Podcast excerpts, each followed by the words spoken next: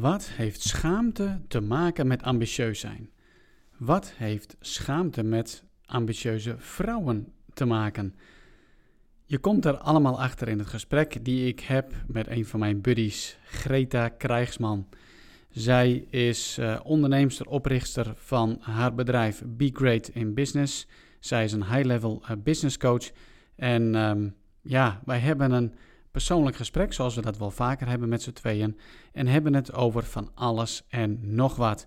Zo hebben we het ook onder over mannelijke energie, vrouwelijke energie en is er überhaupt een onderscheid tussen de twee energieën of is het gewoon allemaal energie en maakt het allemaal niet zoveel uh, uit.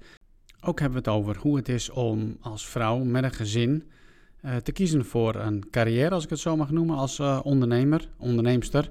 En daar heel veel tijd en energie in te steken. En hoe dat dan zich verhoudt ten opzichte van het gezin. En de schuldgevoelens die daarbij uh, komen kijken. Of misschien wel helemaal niet. En dan nu eerst maar naar het gesprek uh, met Greta, waarin zij ook gaat uitleggen wat zij nou precies bedoelt met schaamteloos ambitieus zijn. Heel veel luisterplezier. Ja. Are you ready to rock and roll, girl? Yes. Greta Krijgsman. Ja. Wat heb jij met schaamteloos ambitieus zijn? Wat heb ik met schaamteloos ambitieus zijn? Nou, weet je, William, ambitieus zijn, dat is voor mij een. Uh, uh, uh, ambitieus zijn, dat is voor mij zoiets natuurlijks. dat je. Ambitie, dat is dat je beter wil worden in iets. Dat je jezelf wil doorontwikkelen. En um, dat is iets wat ik vanaf kind altijd gehad heb. Uh, weet je, ik leerde fietsen en dacht, oh, ik ga leren fietsen. En ik kwam gewoon niet van die fiets af. En mijn moeder vertelde mij dat ik echt, weet je, op een gegeven moment met blaren in mijn handen op hè, uh, dat stuur vasthield om maar ja. te leren fietsen. En, uh, en gewoon weigerde van die fiets af te komen totdat ik het onder de knie had. En ik dacht, dat is ambitie. Ik wil leren fietsen. Ik wil daar goed, beter in worden. Net zo lang doorgaan totdat ik het kan. En op zakelijk vlak, um, hè, of met school, op zakelijk vlak, ik hoef niet de beste te zijn, maar ik wil wel mezelf iedere keer doorontwikkelen. Hè. Op een gegeven moment wordt het saai, wil je meer leren, nog meer kennis ja. vergaren, nog weer verder gaan, nog weer een stapje verder gaan. Anders wordt het gewoon saai. Vind ik een heel natuurlijk iets. Waar ik echt erachter kwam, is dat, je, uh, dat ik als vrouw uh, op de een of andere manier geacht werd om ja, die ambitie niet zo te voelen. En um, schaamte herkende ik op heel veel gebieden. Uh, nou ja, weet je, je kunt je schamen voor uh, bepaalde dingen in je lichaam, of bepaalde dingen van wie je bent, of bepaalde dingen ja. die je hebt meegemaakt, of dingen die je doet, hè, waarvan je denkt die zijn niet oké okay, of niet sociaal acceptabel. Maar je schamen voor je ambitie, ja, die, dat, dat was toch een dingetje. Ik had van mezelf niet zo door dat er schaamte op zat. En waar zat schaamte op? Met name ambitieus zijn als vrouw, als echtgenoot, ja. als moeder. Bij jezelf ook bedoel je? Ja, dat bij mezelf. Erop zat. Ja. ja, ja. En ja, ik, doordat ik van mezelf ben achtergekomen dat hij er bij mij op zat, ben ik ook steeds meer het gesprek aangegaan met andere vrouwen. En kwam ik erachter dat dat ook bij hen uh, een rol speelde. Um, omdat op de een of andere manier wij het, of wij, laat ik het gewoon bij mezelf houden. Ik bij mezelf ook iedere keer die vraag had van, is het wel oké? Okay? Weet je, is het wel oké okay als ik voor mijn werk wil gaan? Is het wel oké okay als ik mijn kinderen uh, ja. wat minder vaak zie? Is het wel oké ja. als ik...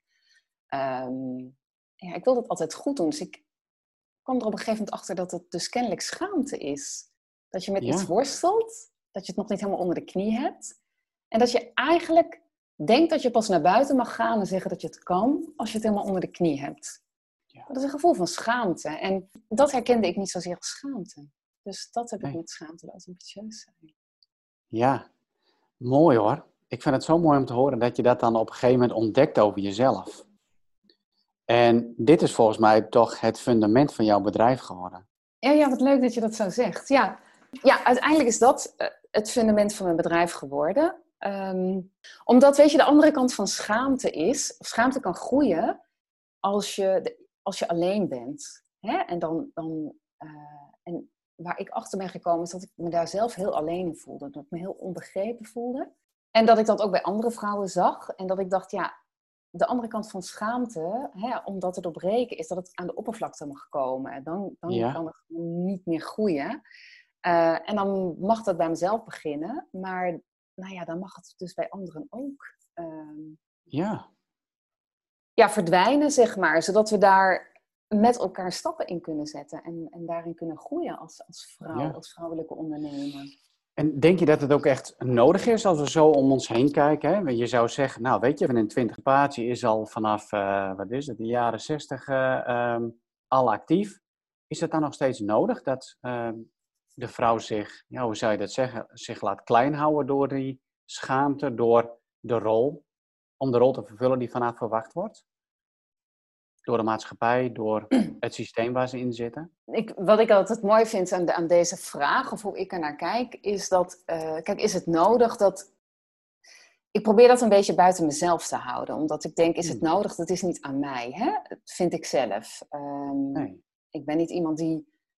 Um, laat ik het zo zeggen, weet je, ik heb altijd zo'n sterk gevoel van de maatschappij is waar, is goed zoals die is of zo. Hè? Of de wereld is precies zoals die moet zijn. Maar er zijn heel veel vrouwen die nog steeds last hebben van een bepaalde manier waarop er naar hen gekeken wordt. Of, ehm, of dat ze zelf merken dat ze tegen bepaalde blokkades aanlopen in de maatschappij. En dat is nog steeds wel zo. Hè? Dus, dus ja. is het nodig? Nou ja, dat, dat moet iedereen voor zichzelf dan maar bepalen. Het is nog steeds zo dat vrouwen tegen blokkades aanlopen. Het is nog steeds zo dat vrouwen merken dat ze op het schoolplein uh, toch anders aangekeken worden als zij fulltime aan, uh, aan het werk zijn, dan dat hun echtgenoot uh, wordt aangekeken. Ja, klopt. Ja, dat laten de statistieken wel heel duidelijk zien. Ja. ja. En, en dus als je zegt, ja, wat mij betreft is het dan wel nodig, maar ja, nogmaals, um, dat mag iedereen ook voor zichzelf bepalen. Ja. Ja, er zit ook een stukje vanzelfsprekendheid in. Ik ben nu dan dit jaar 28 jaar getrouwd. En op het moment dat wij trouwden, zaten we echt in het klassieke plaatje. De man gaat aan het werk en de vrouw die blijft thuis bij de kinderen. Ja. We hebben er niet eens over gepraat of over gehad. Zo vanzelfsprekend was het om in die, in die rol een patroon, zeg maar, gewoon te starten. Ja. Zeker vanuit een, een christelijke identiteit in, in die periode was het gewoon, ja, je blijft gewoon thuis als vrouw. Je gaat uh, kindertjes baren en daarvoor zorgen voor het gezin. En wat ik deed, dat maakte eigenlijk niet zoveel uit. Hè? Dus ik besloot op een gegeven moment beroepsmilitair te worden. Met als gevolg dat ik soms negen maanden in het jaar van huis was. Ja. Maar dat kon allemaal. Ja. Maar hoe was dat voor jou? De, want dat... Oh joh, dat was, terugkijkend was dat vreselijk. Ik ben echt een family man. Ik ben echt helemaal, mijn kinderen die, die staan echt uh, helemaal op één uh, bij mij, zeg maar. En uh, ja, om die zo lang te moeten missen, dat was verschrikkelijk. Hmm. En zeker in de tijd dat ik op uitzending ging naar, naar voormalig Joegoslavië. Uh, ja, tegenwoordig heb je uh, veel meer verbindingsmiddelen. Uh, en social media en telefoons en wifi en internet. Dat had je toen allemaal niet. Dat was 97. Hmm. Dus ik kon één keer in de zoveel tijd naar huis eh, bellen met een satelliettelefoon waar een gigantische echo op de lijn zat. Dus ik kon alleen met mijn vrouw uh, praten en niet met de kleintjes. Dus ja, dat was wel even een gemis. Een hele gemis. En uiteindelijk toen ik Defensie besloot los te laten, ging ik werken bij de politie, was ik opeens elke dag thuis. En dan wil je gaan bemoeien met de opvoeding van de kinderen en het huishouden. Ja, dat was ook wel even een dingetje. Wat? Alles was ingesleten. Mijn vrouw had haar manieren gevonden om het huishouden en de kinderen allemaal op haar manier te, manier te doen. En daar komt opeens William bij. Oh, maar dit kan wel, dat kan wel, zus kan wel. En dat verstoort dat hele proces. Oké, ja. Dus dat was wel even een dingetje. Dat was voor haar wel lastig. Uh... Ja. ja. Ik had juist het tegenovergestelde. Want ik, um, ik, ik kom oorspronkelijk uit een gezin waar dingen... Um... Kijk, mijn vader ging... Eh, ik bedoel, ik ben geboren in 1970, hè? En in die tijd, mijn vader uh, was eigenlijk heel vooruitstrevend. Die, die ging naar school, die had gesprekken met leerkrachten, die, die ging ook wel helpen op school. Die is meegeweest naar een schoolreisje, dat ik me herinner. Oh, ja. Dat is wel bijzonder, in die tijd zeker. Ja. ja. En um, weet je, hij, hij bakte ook wel poffertjes voor ons op verjaardagen. En, um, um, en op de een of andere manier ben ik er steeds van uitgegaan. Oh ja, en dat voorbeeld heb ik heel erg, weet je, dat hij dat ook deed. En op de een of andere manier heb, is dat wat ik heb meegenomen, uh, natuurlijk. Of dat is natuurlijk zo. Dus hoe ik zeg maar het huwelijk zag, was gewoon heel erg van: oké, dat, dat doen wij gewoon samen. Wij gaan samen voor, de, voor de kinderen zorgen. We gaan samen voor een inkomen zorgen. Want dat doe je gewoon. Ja. En dat dat niet zo gewoon bleek te zijn, dat, dat vond ik eigenlijk shocking. Weet je, zo van, ja. What the fuck, weet je wel? Ja. Ja, dat, um, dus dat, dat is wel een beetje een ander verhaal. En ik, en ik denk juist, William, dat ik vind het juist ook heel erg schokkend om bij mezelf te ervaren dat ik kennelijk op de een of andere manier een bepaald beeld heb gehad en een bepaald ideaal. Um, maar er toch heel veel moeite mee heb gehad om daar aan vast te houden. Dat ik toch druk heb gevoeld, toch het goed wilde doen als moeder, toch uh, een goede echtgenoot wilde zijn. En, en ja, toch daarin mezelf wel uh, wat verlogend heb. En, en ook goed, hè? Ik bedoel, ik... Ja, tuurlijk, ja. Het is niet zo dat ik hè, denk van, oké, ik had dingen echt anders moeten doen. Ik heb wel een tijdje wat boosheid daarover gehad, maar het is, ik heb, het is wel oké, de keuzes die ik heb gemaakt. Ja. Maar ik ben er wel verbaasd over dat, uh, dat, dat het kennelijk wel zo werkt of zo, weet je? Dat, uh, en, dat, en dat zou niet zo hoeven zijn. Nee, dat zou het mooi zijn, die wereld, als dat niet zo zou zijn. Hè? Maar zou je zeggen dat zeg maar, uh, de keuze voor het ondernemerschap jou verder heeft geholpen om over die schaamte rollenpatroon te komen? Meer te kiezen voor jezelf? De ontplooiing van jou als mens zijnde? Of was het er al en dat heeft dan geleid tot je ondernemen, uh, tot, het, tot het ondernemerschap? Nou, ik moet even denken of ik, uh, ik probeer de vraag te beantwoorden in relatie tot, uh, tot de schaamte. Goh, dat wat een. Uh, ik kan dat helemaal niet, niet zo goed beoordelen. Kijk, op een gegeven moment kom je dan tot die keuze om te gaan ondernemen. Ja. Kijk, het ondernemerschap. Mijn ouders waren zelfstandig ondernemer. Hm. En um, ja, ik heb de HAVO gedaan met economie 1 en 2. Met het idee van, weet je, ik wil iets met economie doen. En ik, en ik wil uiteindelijk ondernemer zijn. En commercie, marketing, vond ik allemaal super. Um, toen heb ik twee jaar middelbare detailhandelschool gedaan na de HAVO. Om daar naar de DHO te gaan. Uh, nou, dus dan had ik mijn middenstandsdiploma ook in één keer. Weet je, dat was toen nog nodig, hè, als ja. je ondernemer bent. Ja, dat, ja, dat was echt nodig, ja. dus uh, ik, ik heb altijd al wel geweten dat ik uiteindelijk... Uh, zelfstandig ondernemer wilde worden. Maar ja, ik heb ook best wel een beetje een raar levensverhaal. Um, ik wilde heel graag voor mezelf kunnen zorgen. Ik wilde echt ook geld verdienen en, en ik wilde een goede opleiding hebben. Dus ik heb eerst gekozen om die opleiding te gaan doen. Dus ik wilde die HBO-opleiding uh, wilde ik volgen. En nou ja, weet je, dan gaan dingen een beetje zoals ze gaan. Uh, dus uiteindelijk had ik een, een, vaste baan. Maar toen ben ik uh, al voordat ik kinderen had en voordat dit hele verhaal eigenlijk aan de orde kwam, zijn wij een galerie begonnen, een kunstgalerie. Dus dat was eigenlijk al de eerste keuze om zelfstandig ondernemer te worden. Okay, dus die keuze om zelfstandig ondernemer uh, te worden, ja, die, die is eigenlijk altijd al aanwezig. Die was er al, ja. is inherent aan, uh, aan dat. Wat wel zo is, William, is dat um, ik wel gemerkt heb, want dat was wel een van de dingen waar ik me wel uh, ook heb over verbaasd als je werkt voor een werkgever, dat je um, ja, je wordt toch min of meer, er wordt toch min of meer van jou verwacht dat je gewoon van 9 tot 5 werkt. en dat je binnen een ja. bepaalde tijd een bepaald resultaat uh, boekt, binnen een bepaalde ja. aantal uren, die je ook op een bepaald moment op de dag moet, moet gaan volbrengen. En daarvan dacht ik wel, waarom doen ze dat eigenlijk zo? Ik heb heel veel dingen heb ik altijd zoiets waarom doe je dat zo? Dat kan toch veel handiger of zo? Of, ja, daar, daar hebben mensen toch last van. Uh, dat heeft toch inbreuk op hun gezin of op hun privéleven. Uh, het zou toch ook zo makkelijk zijn als je dat anders kunt inrichten. Wat ik wel weet is dat ik uh, op een gegeven moment, nadat ik voor meerdere werkgevers had gewerkt en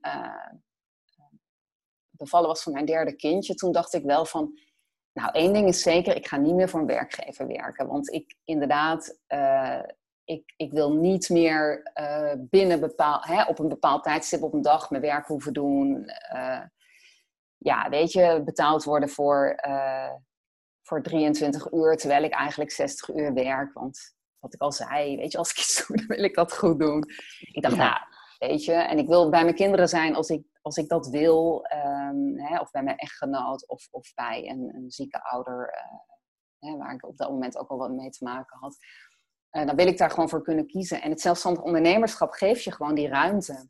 Weet je, ik bepaal zelf mijn tijd, jij bepaalt zelf je tijd. Ehm, en of ik nou s'nachts ga werken, dat maakt niet uit. Uh, nee. Dus ja, ik, ik vind dat wel de manier om mijn leven vorm te, te geven en tegelijkertijd mijn, uh, mijn, ontwik mijn zakelijke ambitie te kunnen volgen. Ja. Dus in die zin waar, waar, waar zit dat moment dan, zeg maar, dat je voor jezelf, oké, dat ondernemerschap, dat heb je dan eigenlijk je hele leven wel geambieerd, hè? Dus je met de paplepel ingegoten. Uh, het zorgen voor jezelf eigenlijk ook wel, hè? Volgens mij heb ik, uh, hebben we het wel eens eerder erover gehad, hè? dat je dat ook wel van je vader hebt meegekregen. Ja. Zorg goed voor jezelf.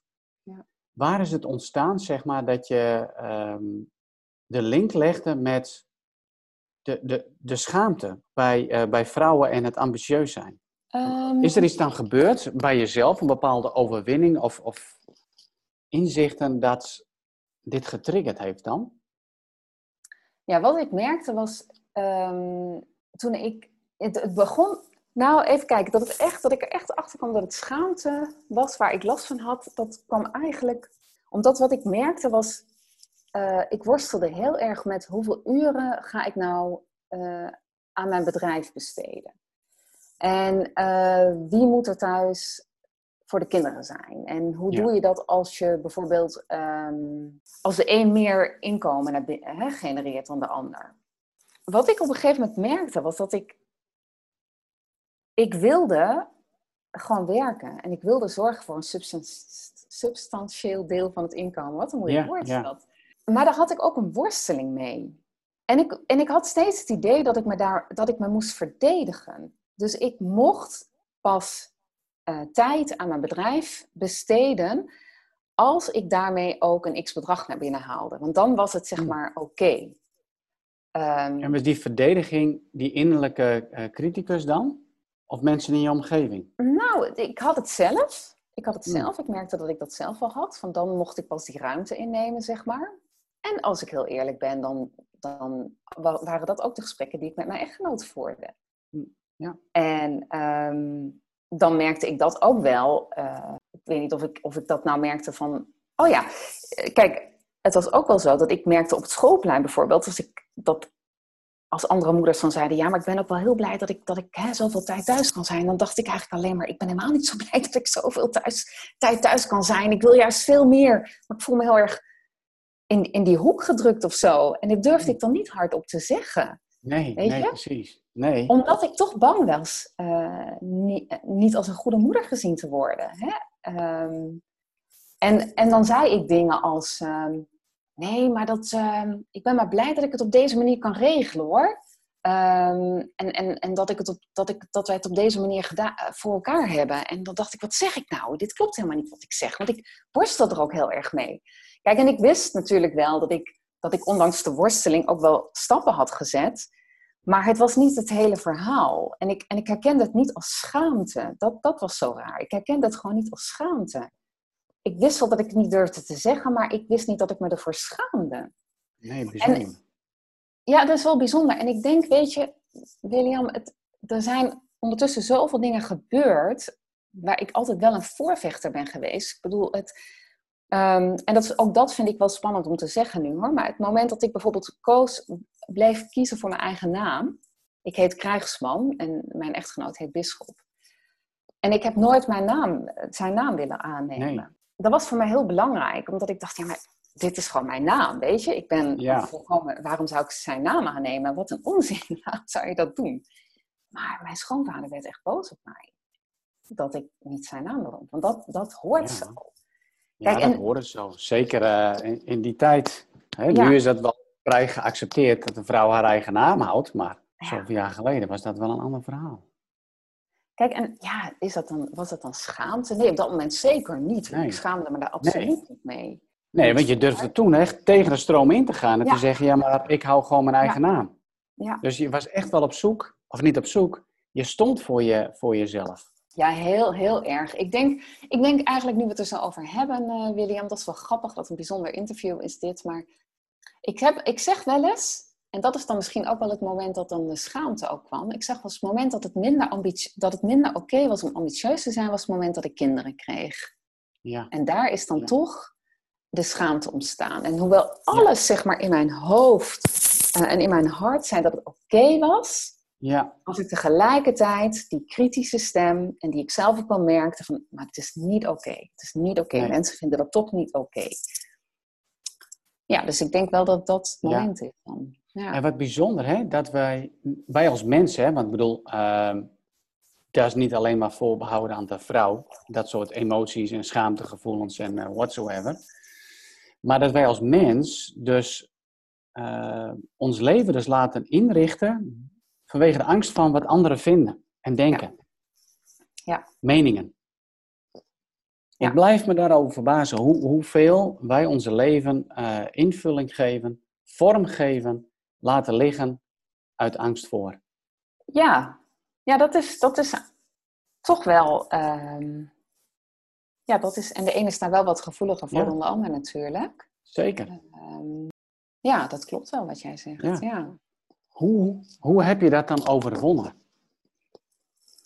Is dat een, een plotselinge inzicht geweest? Is dat een proces geweest? Kijk, ik heb, ik heb heel sterk. Ik weet dat ik wil werken als vrouw. En ik weet dat ik eh, een zakelijke ambitie heb. En dat ik eh, vooral ook fi- financieel ehm, onafhankelijk wil zijn. En niet in de zin van ik wil per se eh, alleen zijn, maar ik, ik wil ook voor mezelf kunnen zorgen. Dat, is, dat vind ik gewoon Ja. heel erg belangrijk. En ik wil ook voor mijn kinderen kunnen zorgen financieel. En, en, en ook bijdragen eh, ten aanzien van mijn echtgenoot. En als ik het is bij mij wel zo, als ik iets heel sterk voel van binnen, dan, dan ga ik het niet uit de weg, hoe moeilijk, het, hoe moeilijk het ook is. Als ik iets wil, dan zal ik linksom, rechtsom, zal, ga ik er gewoon voor. Dat, eh, Ja.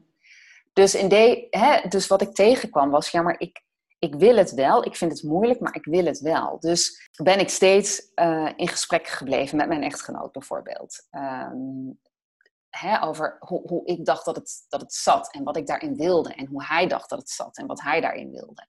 Ehm, hoe, hoe we dat het beste konden doen. Wat, hoe we dat dan praktisch gezien zouden kunnen oplossen. Ehm, maar ook hoe we dat op, op dieper niveau eh, hadden geleerd van onze ouders. Wat wij daar zelf in tegenkwamen van de maatschappij. Dus, dus dat is een van de dingen waarop ik dat overwonnen heb. Door, door eh, heel trouw te blijven aan hoe ik dacht dat ik het zag. Of hoe ik het zag eigenlijk zo. Hè? Ja. Ehm, en hoe ik het wilde hebben.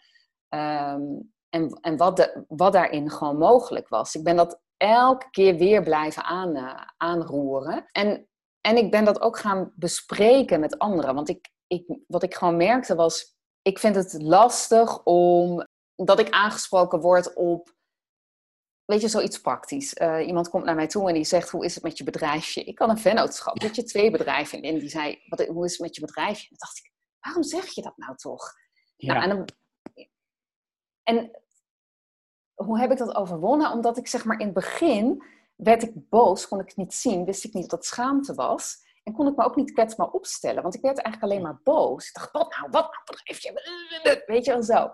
En wat ik leerde was, ah, oké, ik, ik heb hier zelf ook een vraag bij, maar dan mag ik misschien ook een vraag stellen aan de ander. Dus, zo, hè, dus dat is ook een manier waarop ik het overwonnen ben, dat ik vragen ging stellen en ook liet zien van, joh, het doet me eigenlijk wel iets dat jij tegen mij zegt, of dat jij denkt dat ik een bedrijfje heb. Dat raakt mij eigenlijk wel. Mag ik jou, Ja. mag ik jou een vraag stellen? En dan zei die ander, oh ja, dat mag. Ik zeg, hoe zou jij het vinden als ik aan jou, tegen jou zou zeggen, hoe is het met jouw bedrijfje? En, en in dit geval was het dan een man. En die zei, oh, dat zou ik eigenlijk heel naar vinden als jij dat zou zeggen. Eh, ik zeg, ja, dat, dat kan je je voorstellen dat ik hetzelfde gevoel heb. Want Tuurlijk, ja. Impliceert iets hè, dat jij dat eh, tegen mij zegt. En, dus dat is ook een manier waarop ik het overwonnen heb. Om gewoon te laten zien, het doet iets met mij als jij mij op een bepaalde manier bejegent. Hè, dat, dat doet mij pijn, dat Ja. raakt mij. Ah, dat is En- wel heel mooi dat je daarin ook feedback durft te geven dan. In Ja, een gesprek. Ja, heel veel mensen laten dat zich gewoon maar over een kant gaan. ja. Maar dat, is- ja. Ja. Nou ja, weet je, en over je kant... Ik, ik denk dat dat wel heel belangrijk is, William. Dat je ehm, over je kant laten gaan. Dat kan zijn... Of tenminste, ik, je kunt, je kunt denken dat iets over je kant laten gaan, hè, of voor jezelf opkomen, dat dat echt is oh, een soort van um, zo'n houding van. van ja, de rebel en de dwarsstekening. Ja. Terwijl ehm, als je voor, je voor jezelf opkomen, als je dat doet vanuit een hele kwetsbare kant, dat je echt laat zien dat je geraakt bent, ja. Wat het met je doet, dan is dat eigenlijk veel krachtiger. Want dan laat je echt zien wat het gedrag van de ander met iemand doet. Ja. En dan, ja, wat ik gemerkt heb, is dat er dan eigenlijk pas inzicht kwam ook bij de ander en, en een verandering mogelijk is. En ook bij mijzelf, dat ik eigenlijk het, hè, de, uh, mijn panzer af kon leggen en kon zeggen, dit is het wat, wat het met mij doet en dit is wat het, wat het tot gevolg heeft. En, uh, maar vond je het daar dan ook ergens dat diegene die zei van je hebt een bedrijfje, had je niet ergens dan ook een stemmetje die datzelfde ook zo vond? Van Greta, nou, maar dat is die kwetsbare kant. Omdat je gewoon dacht van, kant. ja, ja. Maar die moeten we leren kennen. waar ik het wil. Ja. ja. Ja, dat is juist zo mooi. Maar dat, weet je, dat is, dat is mooi wat jij zegt. Want, want dat is, uh, denk ik, het fundament van wat ik waar ik dus achter kwam waarom het schaamte was. Omdat ik schaamde me voor het feit dat ik het niet voor elkaar had gekregen. Oké, ja. Ook. Weet je, ik, ik die... Um, ja, om, om te weten hoe, hoe hard, hoe heftig dat voor mij was, is uh, mijn vader is heel jong overleden, toen ik tien was. En die is plotseling overleden. En dat betekende voor ons gezin dat mijn moeder uh, uh, geen inkomen meer kon genereren. En dat wij plotseling ook verhuisden van de ene kant van het land naar de andere kant van het land. En, um, en dat heeft gewoon wel heel veel indruk op mij gemaakt. Hè? Dat mijn moeder niet meer in staat was om, uh, om dat inkomen te genereren. Zij had geen rijbewijs en dat had ze wel nodig. En ik heb altijd gedacht, dat gaat mij niet overkomen. Nee, precies. Hè? En nou was het dus zo dat ik uh, hè, tot mijn tiende was ik ook echt opgevoed van... jij gaat naar het VWO, jij gaat uh, goed voor jezelf zorgen, een opleiding is belangrijk. Uh, ja, jij mag er gewoon zijn. Ik ben totaal niet opgevoed met het idee dat je als vrouw niet nee. zou kunnen werken. Nee, dat zat al wel in het fundament. Ja, dat zat al wel in het fundament. Um, maar goed, toen, toen dat dus gebeurde, hè, dat, dat mijn moeder uiteindelijk niet bleek ja, dat, dat inkomen te kunnen genereren, toen dacht ik, ja, maar dat, dat kan toch niet waar zijn? Dat gaat mij niet gebeuren. Dus ik heb heel erg besloten om, om gewoon te zorgen dat ik altijd voor mezelf zou kunnen zorgen en nooit in de positie zou komen waarop ik dat niet meer zou kunnen. Door, door wat ik meemaakte in, in hè, de moeder van drie kinderen, eh, de keuzes die wij maakten als gezin, in hoe ik ja, uh, toch andere keuzes daarin maakte, voelde ik me ook wel heel erg dat ik, dat ik niet trouw was daaraan gebleven. En dat ik dacht, hoe bestaat dat toch? Hoe kan dat? Iemand die zo gelooft daarin. Dat ja. weet je, ik, daar was ik zelf heel kwetsbaar in. Ja, dus daar werd ik ook heel erg in geraakt. Dat het, ja. Zo ik sterk is dat, leven dat ik niet wilde leven uiteindelijk. Nee, nee. En toch heb je de kracht en de moed gevonden om anders te kiezen. En jezelf verder tot ontplooiing te brengen. En uiteindelijk dus ook de keuze te maken om uh, voor andere vrouwelijke ondernemers ze te helpen die schaamteloze ambitie ook te ambiëren. Toch? Ja. Ja, omdat, oh ja, want, want ik denk dat dat ook heel belangrijk is om te zeggen, William. Kijk, de worsteling die ik had, was dat ik, en dat vind ik zo mooi aan het verhaal van Brené Brown, die op een gegeven moment zegt, weet je, mhm. wanneer zit er schaamte op? Als je dus merkt dat je um, dat je, dat je het nog niet perfect hebt ook. Weet je? Oh, dus de schaamte die ik heel erg had, wie ben ik om dat te zeggen als ik het zelf ook moeilijk heb? Wie ben ik om te zeggen dat, dat dat is waar je voor moet staan als je het zelf zo moeilijk vindt? Dat is echt het fundament van de schaamte die ik voelde.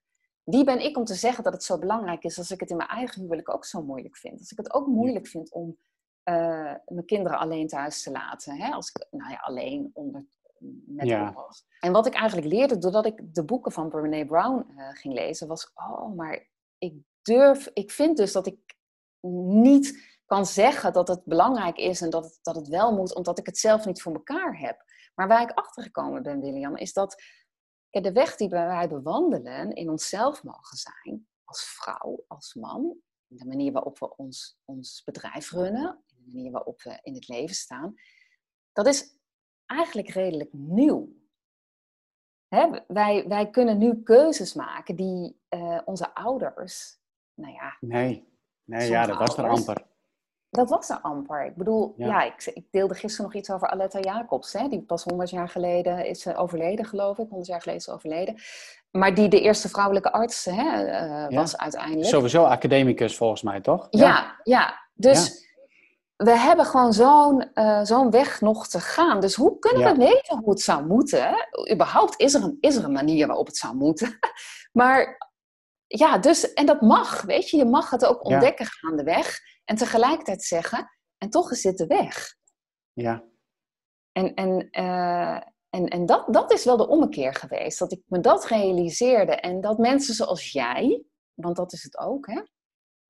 Uh, ik ben bij mijn eigen business coach gaan delen waar ik tegenaan liep. Ik ben uh, bij mensen zoals jij, business buddies gaan delen waar ik tegenaan liep. En wat ik moeilijk vond om naar buiten te gaan in mijn ondernemerschap. Hè, wie ben ik om te zeggen dat ik de anderen mee help als ik er zelf ook mee worstel? Dat, dat was voor mij echt ook wel een dingetje. En, en dus pas toen ik erachter kwam van oké, maar je mag er ook mee worstelen. En tegelijkertijd mag je ook uh, daar de anderen in, in helpen. En heb je daar ook al stappen in gezet. Dat is juist waar het over gaat. Omdat je ook altijd een, een stapje verder daarin bent. Uh, waar je terug kan kijken, kan zeggen, oh, ik herken dat, weet je. En ik kan je helpen. Um, en niet omdat je het op mijn manier moet doen, maar wel omdat ik een luisterend oor voor je kan zijn. En dat ik snap waar je naartoe wil. En dat ik samen met je wil kijken wat er dan voor jou kan werken. Ja. Ja, ja mooi. Ja, het is de kracht van kwetsbaarheid, hè? wat super gaaf uh, dat het is. Hè? Zowel bij, bij vrouwen als bij mannen uh, en enzovoort. Voor mij ook een hele reis geweest hè? om gewoon kwetsbaar te durven zijn als man zijnde.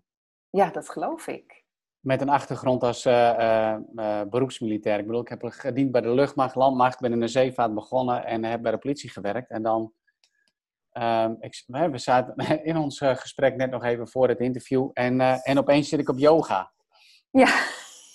ja. Weet je wel, waar ik jaren tegenaan heb gekikt van dat lijkt me wel leuk om te gaan doen, maar ja, kun je dat wel doen als man? Ja. Want wat gaan anderen daar wel niet van vinden en denken? Dus mijn oude legerbuddies uh, en enzovoort, als die dat zouden zien op Facebook, dat ik bijvoorbeeld op yoga zou zitten of mijn podcast zouden luisteren. Oh jee, oh jee, oh jee. Totdat je op een gegeven moment de kracht vindt en de moed om het gewoon te doen. Ja, precies. Ja.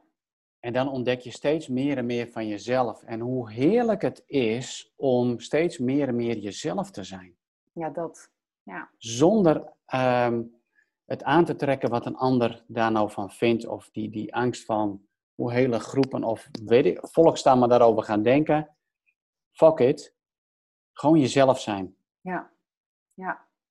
En wat de wereld hebben we dus gecreëerd waarin dat dus best wel lastig is. Voor mannen en voor vrouwen. Ja. Ja, dat klopt. Want, want dat vind ik de andere kant, hè. Voor mannen even zo goed. En, en ja, wij hebben het er samen wel eens over gehad, hè. Van mannelijke energie, vrouwelijke energie. En dan zeg ik altijd tegen jou, William, daar ben ik niet van. Nee. van menselijke energie. Menselijke energie, ja, precies.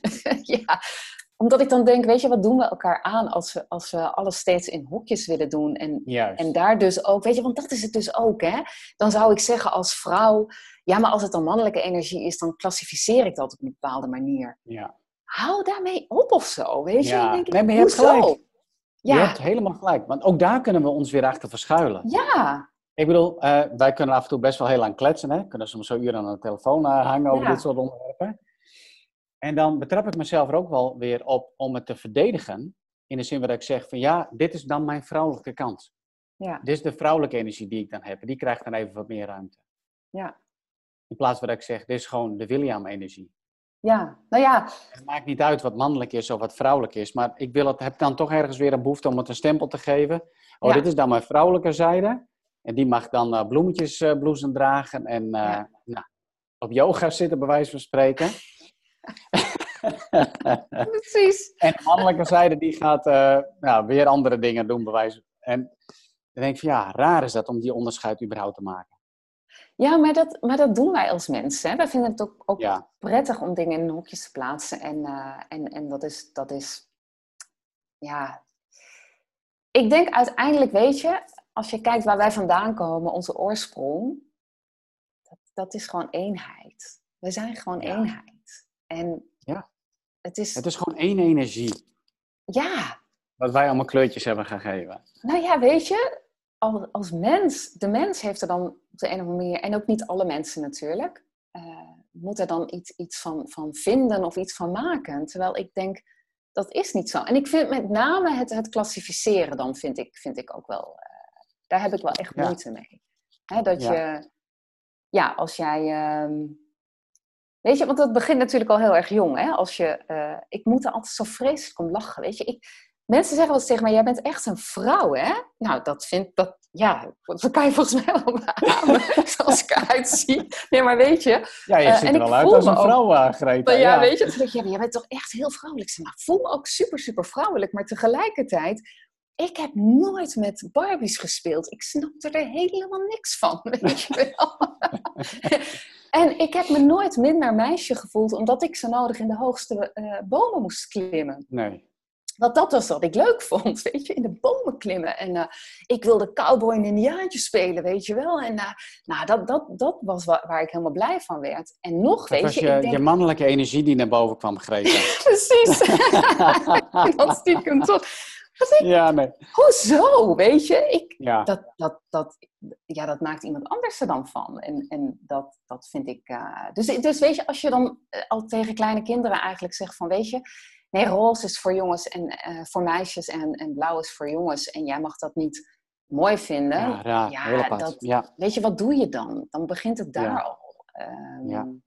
En ja, weet je, dus als je zegt van, ja, is het dan nog nodig? Dan denk ik, als, het daar dan, als ik dan daar even op terug mag komen, William, dan denk ik, ik vind dat je zowel jongetjes als meisjes, weet je, eh, de mensen in zijn algemeenheid wel heel erg tekort doet als je ehm, eigenlijk van jongs af aan al zegt dat iets wel oké is of niet oké is om te doen, omdat je een jongetje of een meisje zou zijn. Ja, dan, dan, dat vind ik gewoon echt ten, ten koste gaan van mensen in zo'n Ja. totaliteit. En, ehm, Ja, 100 procent. Ja. dus ja, weet je. ja. En daar zijn wij nog wel redelijk vrij in onze westerse cultuur. Hè. Er zijn er nog zoveel culturen en complete volkstammen waarin eh, dat dus helemaal niet zo is. Hè. De man is gewoon de krijger en de vrouw die eh, baat kinderen en eh, verzorgt het eten. En Ja. er is gewoon niet meer. Ja. Er is to- totaal geen kruisbestuiving. Dus dan kun je als vrouw ook niet in die boom klimmen. Of als man zeggen, ja maar doe mij maar liever thuis. Maar ik denk zeker dat we nog wel wat eh, te winnen hebben. Wat zou jij aan de, de luisterende vrouw willen meegeven? Zeg maar, de luisterende vrouwelijke ondernemer. Die jij helpt ook met jouw business. Wat, wat voor tips zou je ze willen meegeven? Die, die worstelen met een ambitieus bedrijf opbouwen. Een succesvol bedrijf opbouwen. Nog kleine kinderen thuis te hebben. Dat soort dingen. Verdeling, tijd, eh, bedrijf, eh, gezin. Nou, ik denk dat, dat wat ik.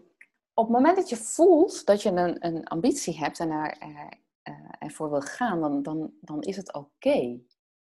En ehm, dat je jezelf mag toestaan om, om die ruimte in te nemen. En, en dat, je, ehm, dat dat volkomen oké is. Dat je die behoefte hebt. Dat het een volkomen logische behoefte is.